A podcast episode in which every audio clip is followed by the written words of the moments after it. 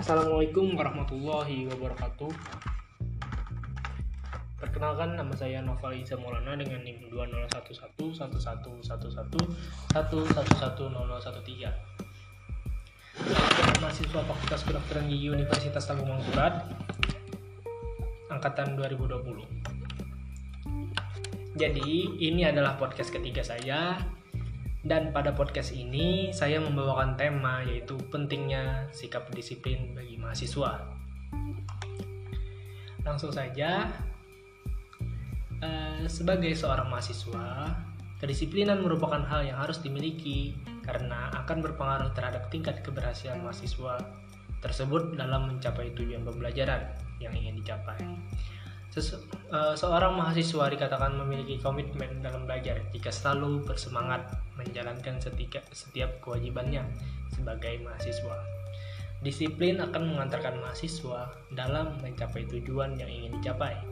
Namun, uh, kenyataannya masih banyak mahasiswa yang belum dapat menanamkan nilai-nilai kedisiplinan tersebut di dalam kehidupannya, sehingga hidupnya akan tidak teratur dan akan membuahkan kata penyesalan di kemudian hari. Sikap disiplin mahasiswa dapat dipengaruhi oleh beberapa faktor, yaitu faktor internal dan faktor eksternal. Faktor internal yang mempengaruhi sikap kedisiplinan yaitu minat dan motivasi. Minat yaitu kecenderungan hati yang tinggi terhadap suatu kegiatan. Sedangkan motivasi yaitu dorongan yang timbul pada diri seseorang secara sadar atau tidak sadar untuk melakukan suatu kegiatan untuk mencapai sebuah tujuan. Seseorang mahasiswa yang membutuhkan motivasi akan bertindak disiplin dalam menemukan motivasinya dari luar diri sendiri atau motivasi ekstrinsik maupun dari dalam dirinya sendiri atau motivasi intrinsik.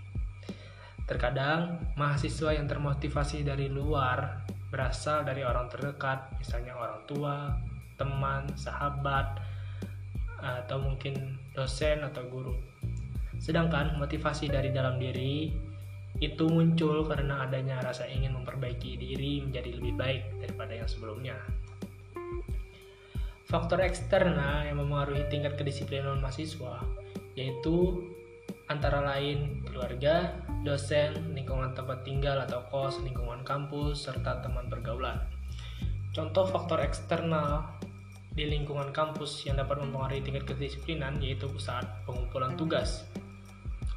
Yang seharusnya tugas tersebut dikumpulkan tanggal sekian, bagi mahasiswa e, disiplin akan dikerjakan jauh-jauh tempo agar tidak menumpuk dengan tugas-tugas yang akan datang. Sebaliknya, bagi mahasiswa deadlineer atau mahasiswa yang memiliki kebiasaan menunda-nunda pekerjaan, ia akan mengerjakan tugas-tugasnya kurang dari beberapa jam sebelum tugas tersebut dikumpulkan. Atau e, kegiatan ini sering disebut dengan SKS atau sistem kebut semalam. Contoh lain e, yaitu karena akibat rendahnya rasa menghargai terhadap orang lain dapat mempengaruhi sifat kedisiplinan mahasiswa. Pada saat permulaan jam kuliah berlangsung, bagi mahasiswa yang disiplin akan datang sebelum jam perkuliahan berlangsung tersebut. Sedangkan bagi mahasiswa deadline dari ia akan berangkat mepet-mepet dengan jam kuliah berlangsung dan akhirnya ia masuk saat jam kuliah berlangsung alias telat. Sikap disiplin dapat membantu mahasiswa dalam menjalankan tugas dan masalah yang sedang dia hadapi. Apabila sikap disiplin sudah tertanamkan sejak dini serta ia tinggal di tempat yang baik dan dikelilingi orang-orang yang baik pula serta memiliki sikap disiplin yang tinggi, maka ia akan dapat meneruskan sikap disiplin itu hingga dewasa. Agar ia mudah dalam penyelesaian tugas dan kewajibannya sebagai seorang mahasiswa. Dan bila ia menemukan lingkungan yang kurang baik serta teman yang memiliki sikap disiplin yang rendah, maka ia tidak akan mudah untuk mengikuti temannya karena ia sudah terbiasa menanamkan sikap disiplin di dalam dirinya. Maka dengan itu ia tidak akan mudah terpengaruh. Sikap disiplin sangat berpengaruh dengan hasil capaian yang diraih mahasiswa dalam proses pembelajaran atau akademik.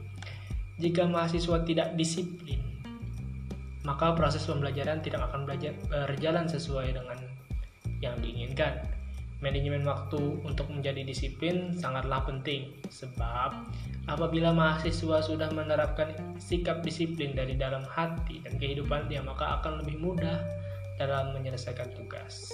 Kuliah, kegiatan-kegiatan yang diikutinya, serta mendapatkan motivasi dari pihak keluarga dan teman-teman.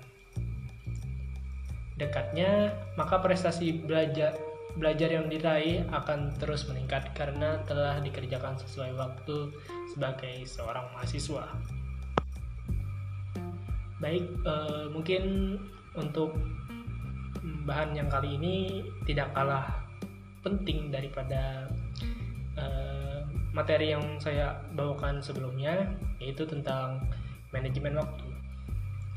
Menjadi seorang mahasiswa identik dengan segala aktivitas dan kepadatan sehari-harinya untuk memaksimalkan menjadi mahasiswa yang mendapatkan nilai maksimal, tetap eksis dalam organisasi dan nongkrong bersama teman-teman, haruslah memantapkan manajemen waktunya.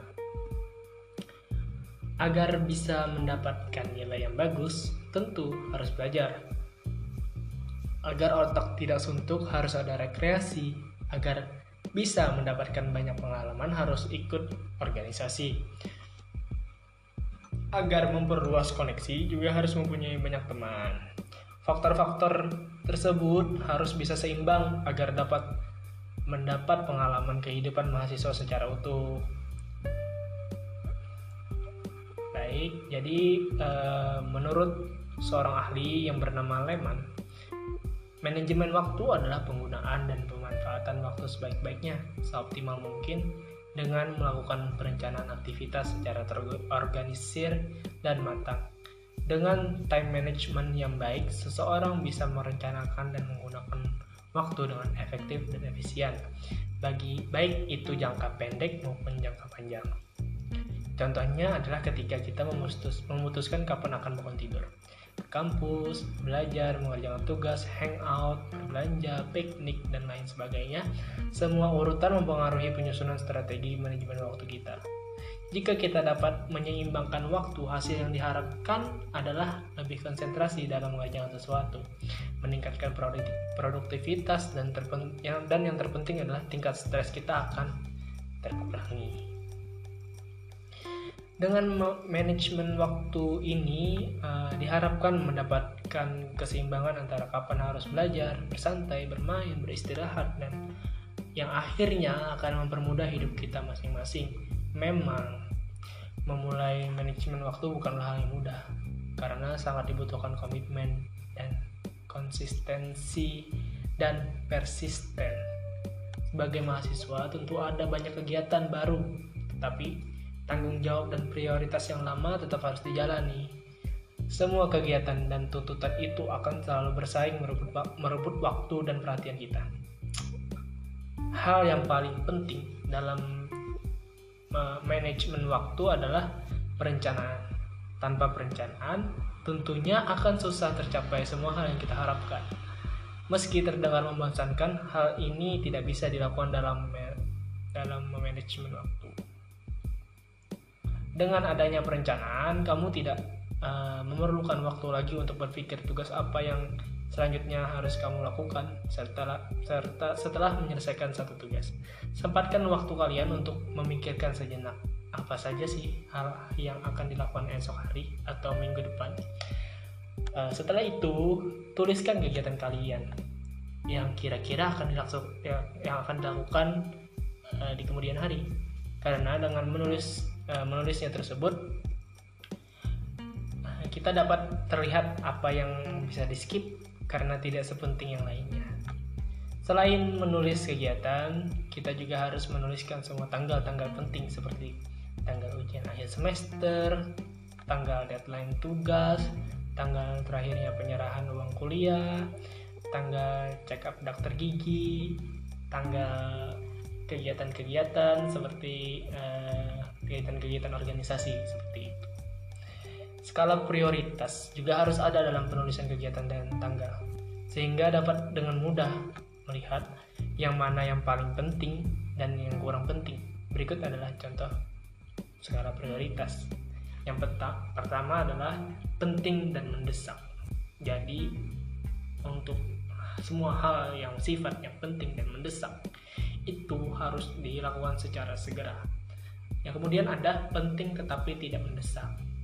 Nah ini eh, dapat kita atur lagi jadwal dalam pengerjaan tugasnya. Yang ketiga adalah mendesak tetapi tidak penting. Untuk ini delegasikan tugas-tugas ini jika memungkinkan. Dan yang terakhir adalah tidak mendesak dan tidak penting. Untuk yang poin terakhir ini bisa kita sisihkan dari jadwal kita. Baik, uh, di sini ada beberapa hal yang perlu diperhatikan saat menyusun agenda. Pastikan kita mendapatkan 6 sampai 8 jam untuk tidur.